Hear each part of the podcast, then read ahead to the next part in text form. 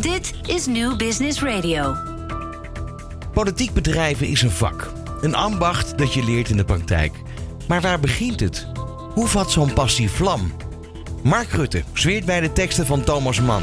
Femke Halsma zag ooit haar politieke licht bij de songteksten van Nick Hallelujah Cave. En Esther Ouwehand pept zich op met de Hollandse rap van Fresco. Maar welke teksten inspireren de nieuwe generatie politici? Welkom bij de special Omni Talks, de Kamerkandidaten, op Nieuw Business Radio. Daarin vragen we Tweede Kamerkandidaten van de belangrijkste landelijke partijen naar drie van hun favoriete geschreven teksten. Op welk boek, gedicht of lied vallen zij graag terug? En wat zeggen deze passages over haar of hem als politicus?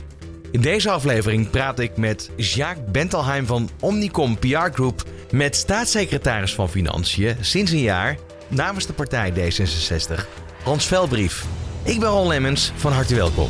Ja, eerst eventjes natuurlijk naar uh, medepresentator Jacques is weer aanwezig. Jacques, uh, wederom welkom in de studio. Dankjewel Ron. Vandaag een bijzondere gast, heer Hans Velbrief. Mogen wij tutoyeren? Ja, uh, dat moet zelfs, anders wordt het geen leuk gesprek, denk ik. nou, dan gaan we dat doen. Ja. Ja, goed dat je het zegt, Ron. Ik was geneigd te zeggen excellentie, maar dat doen we niet ja, meer. Dat, anno 2021. Uh, iedereen die s ochtends bij mij binnenkomt, zegt één keer excellentie. En dan daarna mogen ze de hele dag jij zeggen. Kijk, nou heel goed. Dan hebben we excellentie gehad. Dan gaan we over op je en jij. Hans, welkom. Um, we hebben je cv uiteraard bestudeerd. En economie komt daar op in iedere passage wel terug. En um, ik vroeg me af, waar en hoe is economie in jouw leven gekomen. Ik heb iets gezien dat je, uh, jouw vader had een commerciële functie in het bedrijfsleven, is voor zichzelf begonnen, ondernemer geworden. Is dat een invloedsfactor geweest of lag het breder? Nee, het was heel anders. Ik zat in uh, vier VWO, vierde klas van het VWO. En toen had ik allerlei vakken en ik had geen economie. En ik had een vak, ik denk biologie, waar ik geen bal aan vond. Ik dacht, nou, dat moet ik vervangen door wat anders. En toen ben ik economie 1, heette dat dan, algemene economie. Dat is eigenlijk mijn vak geworden, ben ik gaan doen op school. En dat heb ik in de zomer heb ik dat bijgewerkt. Want ik had dus een jaar gemist. Je moest even bijspijten. En dat heb, had ik in uh, drie dagen had ik dat bijgewerkt. En toen dacht ik, jongens, ik heb echt ergens talent voor. En dat is voor dit vak. En ik had dus een fantastische leraar op het VWO. Ik ga zijn naam ook noemen. Vind ik leuk om hem te noemen. Tom Kentson heette hij. Die is nu jaar 70, denk ik. Een jonge vent toen. Uh, was ja, 13 ouder of zo dan ik. Uh, en uh, die heeft me gewoon een liefde voor het vak bijgebracht. En ik vond het zo. Soms heb je dingen die je in één keer begrijpt. En ik begreep het gewoon in één keer. En zei hij ook: Jij moet economie gaan doen, Hans? Ja, ik denk het wel. En ik ben toen heel jong daarna ben ik gaan lesgeven op de middelbare school. Uh, ook dit vak. en ook boekhouden trouwens, maar ook dit vak. Toen ik een jaar of 20, 21 was. En ook dat ging me heel makkelijk af. Dus toen dacht ik van, ah, this, this is the way. Hè? Dit moet ik maar doen. En zo is het ook gekomen. We gaan het straks nog hebben over je carrière. Uh, we hebben jou, net als andere Kamerkandidaten, want dat ben je gevraagd om wat fragmenten aan te leveren. Ja. En ik moet zeggen, tot mijn grote genoegen, we zijn min of meer generatiegenoten, heb jij een fragment geselecteerd uit een van mijn favoriete jeugdboekenseries. Namelijk de Bob Evers-reeks van Willy van der Heijden. Uh, voor degene die het niet Kijk, kennen. Ja, zo leer ik ook nog eens wat. Nou, dat is, dat is echt leuk om te lezen. Die zijn vast nog wel te koop via Marktplaats of anderszins. Avonturen van drie jongens. Eén Amerikaanse, dat is Bob Evers. Misschien moet je Bob Evers zeggen, ik weet het niet. Mm. Maar ook twee oer-Hollandse. En dat waren Jan Prins en Arie Roos. En de contrasten konden niet groter zijn, want Jan Prins is de rustige, de ingetogene van de twee. En Arie Roos is de levensgenieter. En nu het citaat van Hans Veilbrief. Jan, dubbele punt aanhalingstekens. Jij gaat met geld om alsof het confetti is. Arie, jij bent zo zuinig dat je met confetti omgaat alsof het geld is. Prachtig citaat natuurlijk. Maar waarom dit fragment? Ja, die, die boekenserie. Ik denk dat het ooit gekomen is dat mijn vader of moeder op zolder een, een jeugdboek vond. En dat was een ouderwetse Bob Evers. Die zaten, dat waren A4 formaat met een stoffen omslag. En toen heb ik aan mijn vader en moeder gevraagd, was ik een jaar of negen, van ja, maar zijn die boeken er nog? En toen kon je van die rood-gele pockets kopen. Je kent ze nog wel. Zeker. En die boekenserie heeft mij mijn hele leven begeleid. Het is een combinatie van. Uh, ontzettend, ik, hou van ontzettend, ik hou van melige humor. Dus ik hou van Monty Python. Ik hou van Fawlty Towers. Dus ik hou van dat soort humor. En dat heeft deze serie ook. Gecombineerd met een enorm tempo in het verhaal. Dus het, ik stond net toevallig te denken, hoe, ik dat nou, hoe kan ik dat best in mijn fascinatie uitleggen? Het zijn eigenlijk verhalen waar zoveel tempo in zit. Dat is later door Steven Spielberg. Eh, als je Raiders of the Lost Ark, eh, de beroemde film, ziet. Daar, daar val je in en je bent twee uur later en denk je, wat heb ik gezien?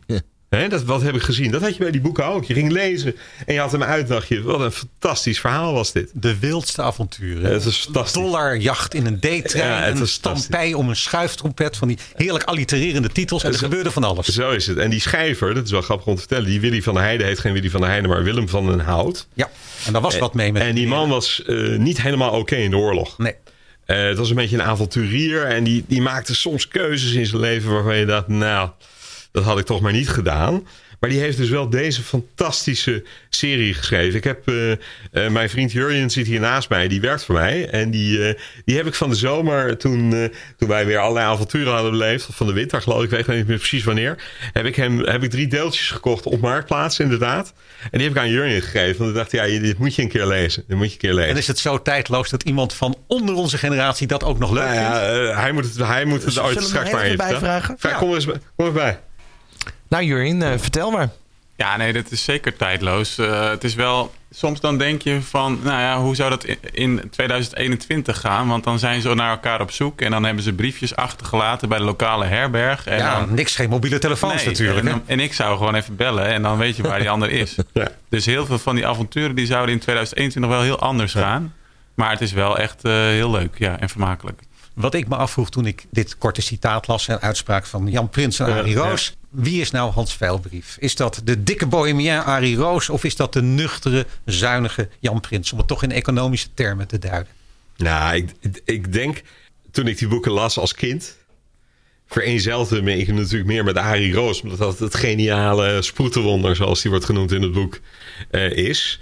Maar ik denk dat ik uiteindelijk een mengsel ben van deze twee. Het leuke is dat die serie is genoemd naar Bob Evers. Wat eigenlijk de minste uitgewerkte persoon van drieën is. Een beetje flat Een character. beetje flat character. Daar gebeurt eigenlijk weinig mee. Terwijl deze twee ontwikkelen zich ook in de loop van de serie. Hè? Dus eh, ze worden steeds... Dus Harry Roos wordt eigenlijk wordt steeds genialer en royaler. Met gelden steeds dikker. En Jan Prins wordt ook hoe langer, hoe, zuiniger in de ja, serie. Eh, vandaar dat ik dit citaat had genomen. Maar dus een beetje Arie en een beetje. ja ik denk dat dat, dat, dat reëel is, ja. We hebben een tweede fragment van een heel andere orde. En toen, ook toen eh, ging mijn hart wat eh, harder lopen. Want ehm, het heeft ook dat, als je het een beetje vrij interpreteert, betrekking op eh, vrijgevigheid versus zuinigheid. Het is een iconisch verkiezingsdebat. Als je nou praat over grote momenten van na de oorlog op politiek gebied, mooie verkiezingsdebatten, dan, en je maakt een top 10, komt dit eruit. Zeker. Ehm, een debat uit 1972 in de aanloop naar de verkiezingen van toen. ehm, eh, tussen Hans Wiegel en we moeten zeggen Weilen Joop den Uyl. En we gaan er eventjes naar luisteren. Want hier wordt de democratie ondermijnd. Hier worden de mensen opgevoed in de politiek van de illusie. Sinterklaas bestaat. Daar zit hij, achter de tafel. Ja, en, en dat is ook voor mijn tijd. Ik denk eh, voor, voor heel veel mensen. Hè, die hebben dat niet meegemaakt. Maar wij kennen allemaal dit fragment. Ja, dat zit in ons collectieve geheugen. En Exact. het eh, typeert Hans Wiegel, ehm, een, eh, een toen nog heel jonge fractievoorzitter. Hij was 31 toen. Ehm, en eh, ja, had al naam gemaakt en pakte de grote Joop den Uyl uit. Toen nog geen premier, maar wel op koers richting het premierschap. En inderdaad, die iconische uitspraak. Eh, Sinterklaas bestaat. En dan wijst hij ook met zijn vingertje. Daar zit hij achter de tafel. En journalist Jan Blokker zat tussen hen beiden in. En de vraag ehm, is natuurlijk ehm, aan Hans Veilbrief. Waarom dit fragment? En ook een beetje. Had Wiegel nou gelijk? Was Den Uyl toen nog geen premier? Was hij toen al wereldkampioen potverteren? Waarom dit fragment? Omdat ik mijn hele leven al een politieke junk ben. En dat ben, ben ik heel jong geworden. Op je toen- negende al? Ja, ja, toen keek ik al die debatten. En waarom was ik nou gebiologeerd door die debatten? Op twee manieren. Eén, omdat woorden zo belangrijk zijn. Dus eh, het verkiezingsdebat natuurlijk van dit jaar. Woorden zijn zo belangrijk. Dus de, de Zwarte Piet hè, van Wilders en waar mijn eh, partijleider Kaag dus heel fel op reageerde. Woorden zijn heel belangrijk. Dat is één. Eh, daarom vind ik politiek zo mooi. Het tweede is dat ik enorm verscheurd werd in mijn jeugd. Ik was de jongste van drie eh, jongens. Eh, eh, een broer die tien jaar ouder is en een broer die zeven jaar ouder is. En die waren natuurlijk ontzettend links. Hè, die waren echt, was PSP, PPR, hè, dat, dat links. Dus veel linkser dan wat je nu hebt eigenlijk. Alles delen met elkaar. nou ja, dat, dat, dat soort links. Was je Mijn- het rechtse jongetje van de... Nee, let op, mijn vader was ondernemer. En die was natuurlijk gewoon van de VVD. Want die wilde niet zoveel belasting betalen. En het ondernemersklimaat moest goed zijn. Was self-made man, eh, lagere school en eigen bedrijf opgebouwd. En ik werd totaal verscheurd door die twee. Ik herinner me dat ik, als ik met hun samen naar debatten zat kijken... dat mijn broers natuurlijk zaten te joelen voor Den Uyl. En mijn vader eh, zat, zat te grommen bij Den en andersom. Dus ik, daarom heb ik al eerder gezegd in een interview... ben ik D66 geworden, denk ik. Ik zit ergens tussenin. Dat is één. Maar het, het roept bij mij, als ik het nu aan jou zit te vertellen... roept het opnieuw dat gevoel van verscheurdheid op. Begrijp je dat? Ik snap De emotionele liefde voor mijn vader. Maar eigenlijk, ja, ik vond natuurlijk mijn broers veel stoerder... met een lang haar en een poeg, brommer en, eh, en hun muziek... eh, dan mijn vader.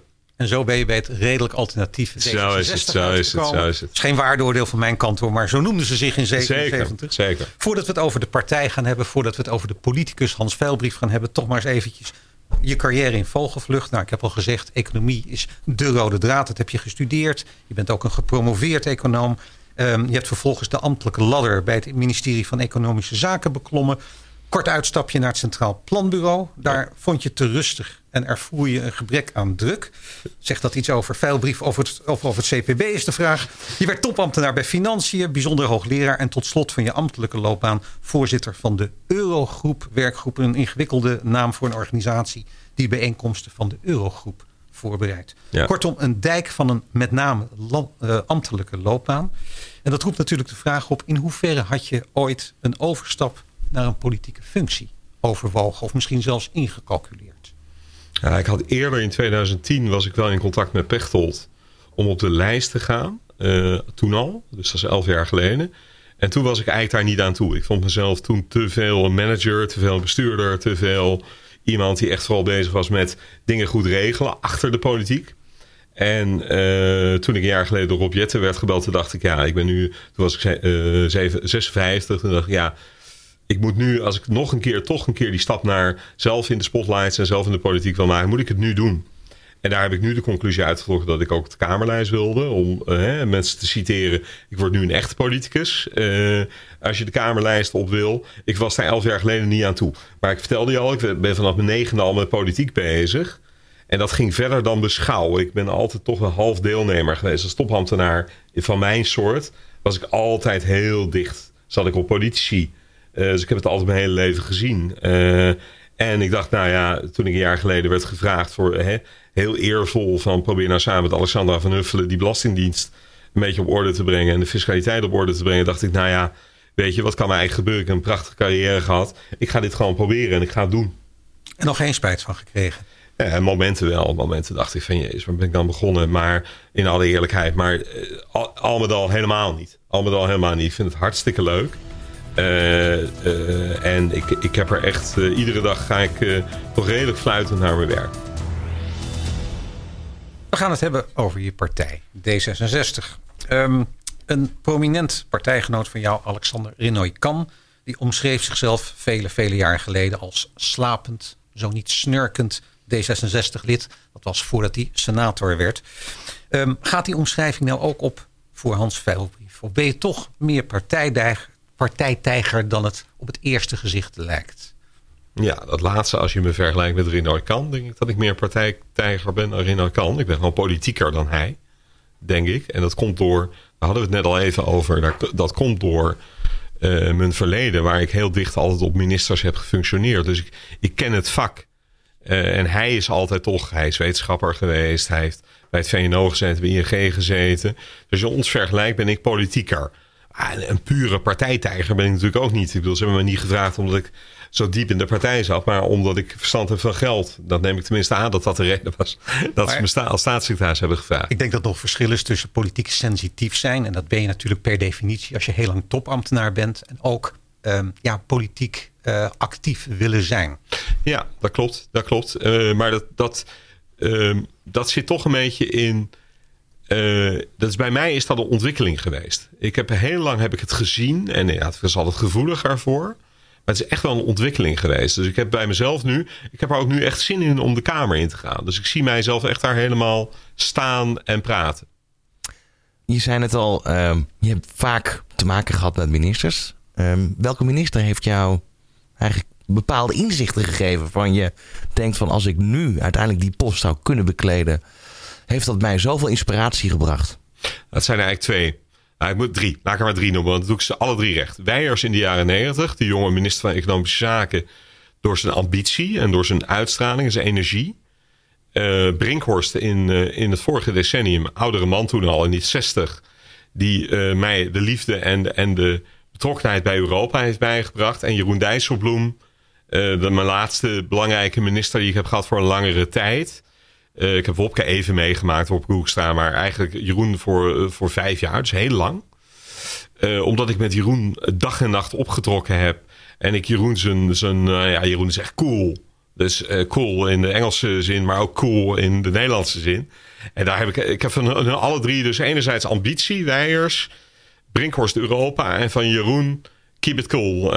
Altijd, altijd rustig blijven. Als je dit rijtje noemt, zijn twee partijgenoten van je en één van een bevriende partij zou je kunnen zeggen, progressief. Maakt het jou als ambtenaar ene moer uit voor wie je dan weer? Nee, totaal niet. Ik heb voor Maria van der Hoeven met veel plezier gewerkt.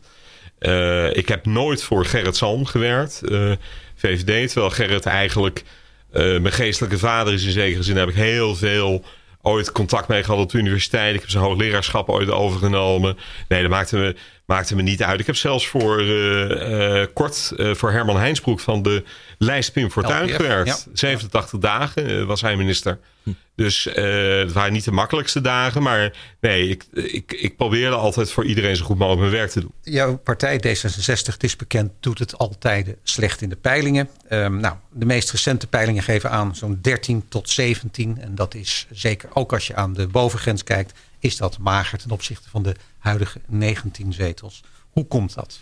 Ja, je, moet, je moet bij peilingen moet je altijd heel erg oppassen om momentopnames te maken. Klinkt als een politiek praatje. Dat is echt niet waar. Als je kijkt naar die 19 was het, dacht ik, op één na het beste verkiezingsresultaat ooit. Van Mierlo, 24 geloof ik ooit. In 1994. Ja. Uh, voor de start van Paars 1. Dat was echt exceptioneel goed. En wij zitten, uh, hè, is halveren was bij ons altijd. We hebben nu in een kabinet gezeten met CDA en VVD en ChristenUnie.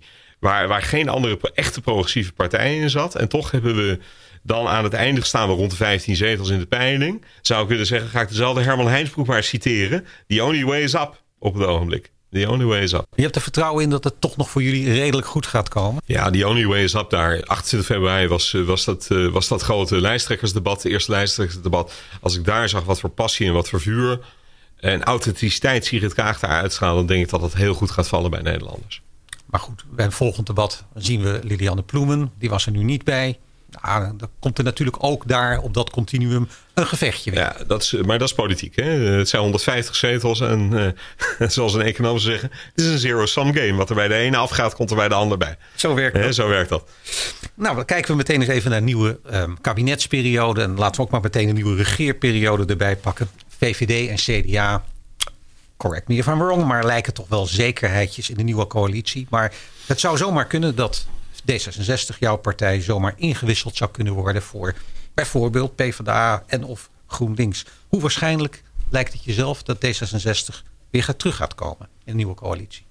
Ja, best wel waarschijnlijk. Maar kijk, als de kiezer dat niet wil, uh, de kiezer op D66, dan moeten ze allemaal op D66 stemmen. Want dan worden wij zo groot dat we onmisbaar worden. Zo simpel is het ook in politiek. Dus uh, voor D66 is uh, 15 zetels mooi. Maar wij moeten in de, in de regionen van de 20, 25 zetels eindigen. En dan zijn we gewoon nodig in een kabinet. En het gaat ook niet om in een kabinet zitten. Het gaat erom dat je je idealen verwezenlijkt. En dat, dat doe je het beste hoe groter je wordt. Zo simpel is het. Wat merk je eigenlijk nu aan de manier van campagne voeren? In uh, normale tijden kan je veel de straat op. Veel met burgers in gesprek. Ja. Nu is het eigenlijk alleen maar vaak via de media. Ja, het is gek hoor. Het is gek. Uh, je, zag, uh, je, je, ziet gewoon de hele tijd in, in, in die debatten. Hè, vaak zijn het hybride vormen. Dus staan wij wel op een podium.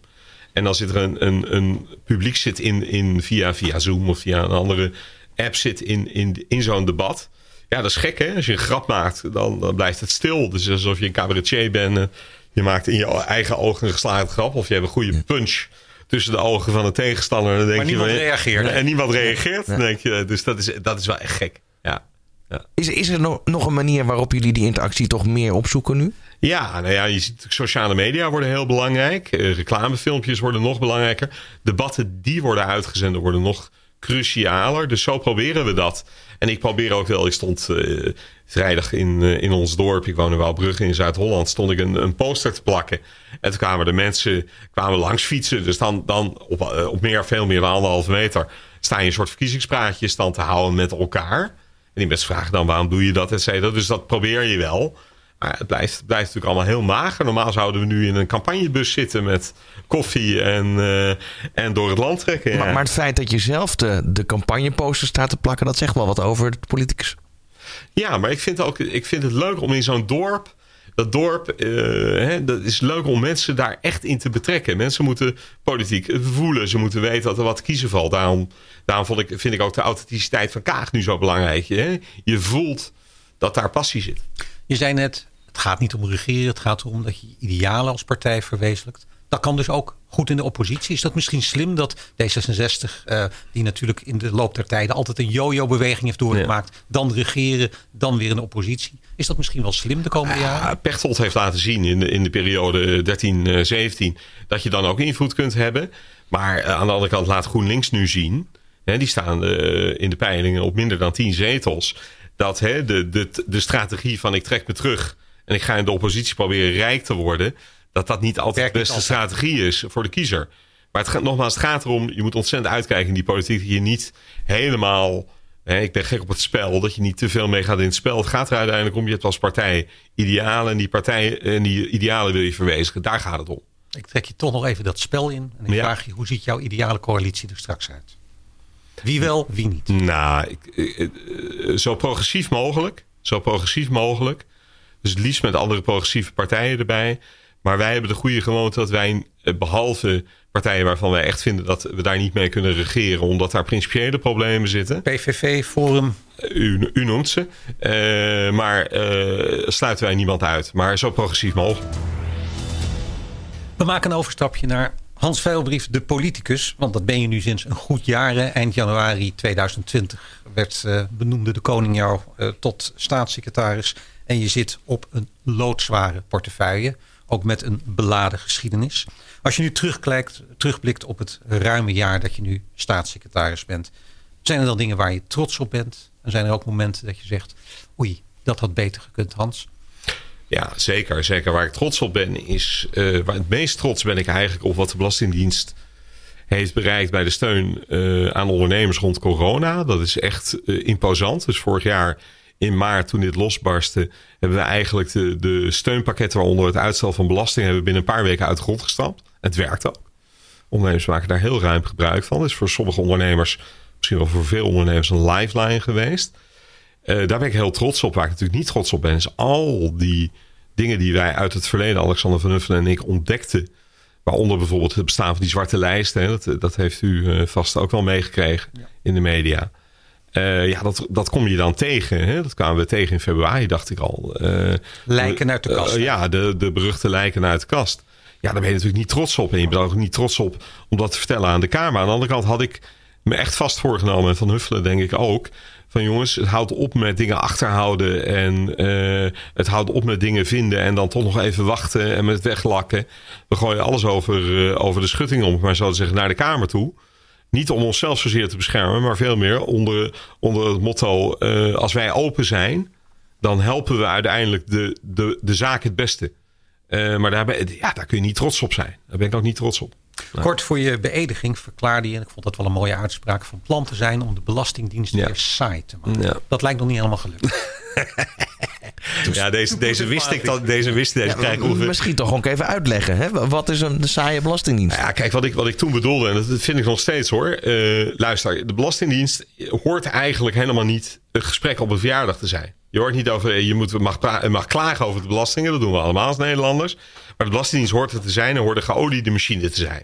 Die Belastingdienst moet niet één keer in de maand of één keer in de week op de voorpagina van de krant staan.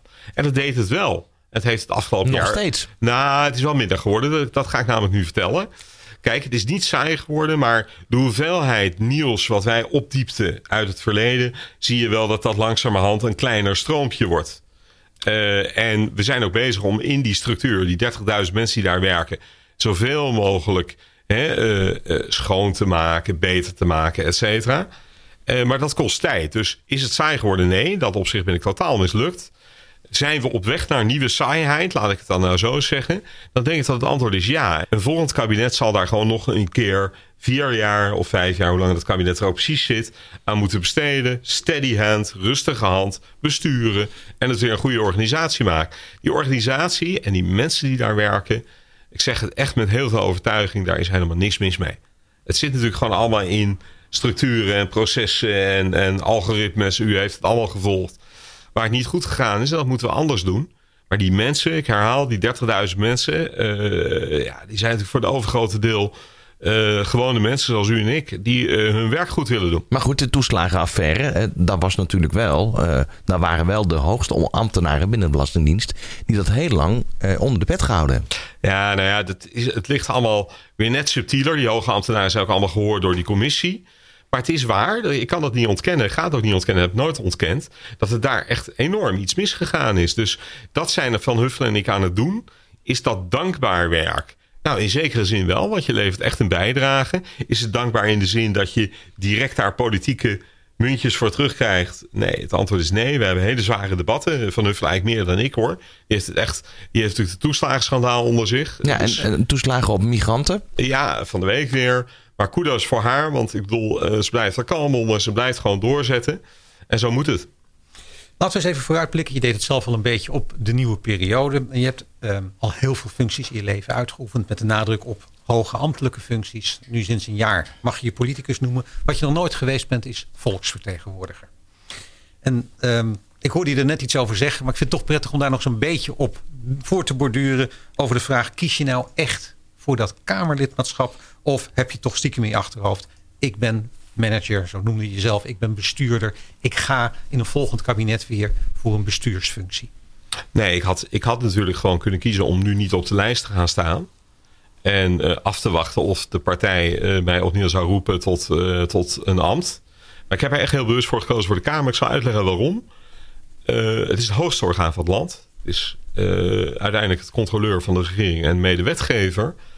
En ik vind zelf dat de Kamer heel goed mensen kan gebruiken. Naast jonge mensen, naast mensen die zelf ondernemer zijn geweest, kunnen ze ook wel iemand gebruiken zoals ik, die lang heeft rondgelopen in Den Haag en in Brussel. En een beetje weet hoe het daar werkt. En, uh, dus ik wil graag mijn ervaring daarvoor inzetten. Uh, zo simpel is het eigenlijk.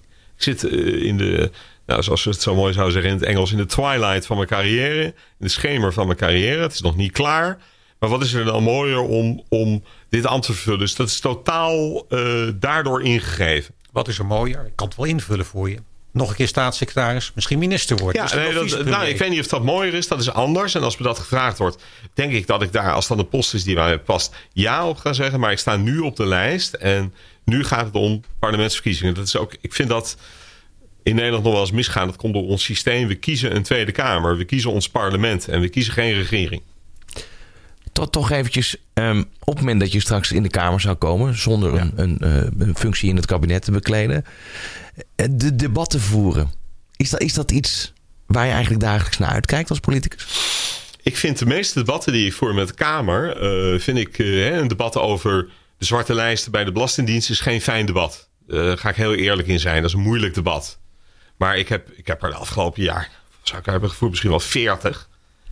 Daarvan is het overgrote deel is leuk. En ja, ik bedoel, wij zijn natuurlijk allemaal mensen die onze wapens zijn woorden onze wapens zijn woorden. Dus ik bedoel, wij, wij, voeren, wij voeren strijd met elkaar met woorden. Uh, dus als je daar niet van houdt, moet je dit vak niet gaan doen. Zie je jezelf straks ook al een interruptiemicrofoon staan? Oh zeker, oh zeker, oh zeker. Ja, wat ja. voor Hans Veilbrief zien we dan? Um, Felle Terrier? Nee, nee, nee. nee, nee. Ik, ben, ik, ben, ik, ben, ik ben dezelfde. Ik ben dezelfde. Ik doe eigenlijk altijd alles hetzelfde. Dus ik ben heel erg gemotiveerd, heel erg gepassioneerd. Maar ik ben altijd op de inhoud. Ik ben nooit op de, op de persoon. Je hebt bewust gekozen voor de lijst. En je staat op plek 12. Nou, dat gaat wel goed komen, kunnen we vaststellen. Kunnen we toch verwachten. Maar plek 12 is voor, vind ik, voor een zittende bewindsman niet zo vreselijk hoog. Het is nog, um, ja, je hebt een aantal nieuwkomers. Hanneke van der Werf, Raoul Boeken boven je staan. vind je zelf niet dat je ook wat hoger op de lijst had nou ja, staan? Ik, ik, stond op 10 uh, en wij hebben Democratie in de partij, dus ik ben naar 12 uh, teruggestemd zeg maar, door de leden.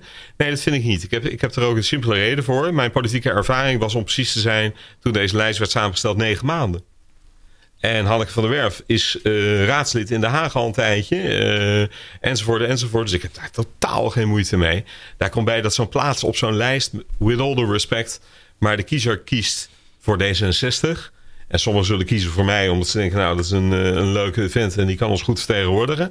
Maar het gaat natuurlijk uiteindelijk om die lijst. Het gaat om de lijst D66. We hebben natuurlijk geen, niet het soort democratie waarbij je uh, choose your, choose your uh, congressman. Hè? Dat is in Amerika. Choose your own congressman. En we bellen met onze congressman uit Missouri over. Dat hebben wij niet. Zo'n democratie hebben wij. regionale vertegenwoordiger. Nee, nee. Wat is plan B op het moment dat je niet in de Kamer komt? Uh, zal ik je dat echt vertellen? Dan ga ik mijn boeken afmaken. Ik, ben, ik heb, al, ik heb al, al twee jaar een boek over populisme. De opkomst van het populisme in mijn boekenkast liggen. Dat is mijn tweede boek wat ik niet kan afmaken. Dus daar ben ik ongelooflijk gefrustreerd over. Dat heeft Pechtel toch ook gedaan? Gesprekken met Ingrid en met Henk en met Alexander? Ja, maar dit, dit, dit boek, met alle respect voor de gesprekken met Henk en Ingrid, die ook leuk waren. Maar dit boek was een doorvrocht werk over de opkomst in Europa en Nederland vooral van het populisme en wat, wat de achtergronden daarvan zijn. En daar was ik een heel eind mee, mee tot uh, Rob Jetten nodig vond om mij te bellen om te vragen of ik het kabinet inging. Je hebt, um, en we gaan een beetje naar een afsluiting toe, um, uh, als derde fragment gekozen voor een muzieknummer. Mooi muzieknummer vind ik. Um, uh, Salisbury Hill van Peter Gabriel. Um, jouw muziekheld, zo heb je hem omschreven. En ook een van de leidende figuren binnen Genesis. Um, we gaan er even naar luisteren. En dan gaan we met name inzoomen op twee zinnen. En die fascineren me. Nu al.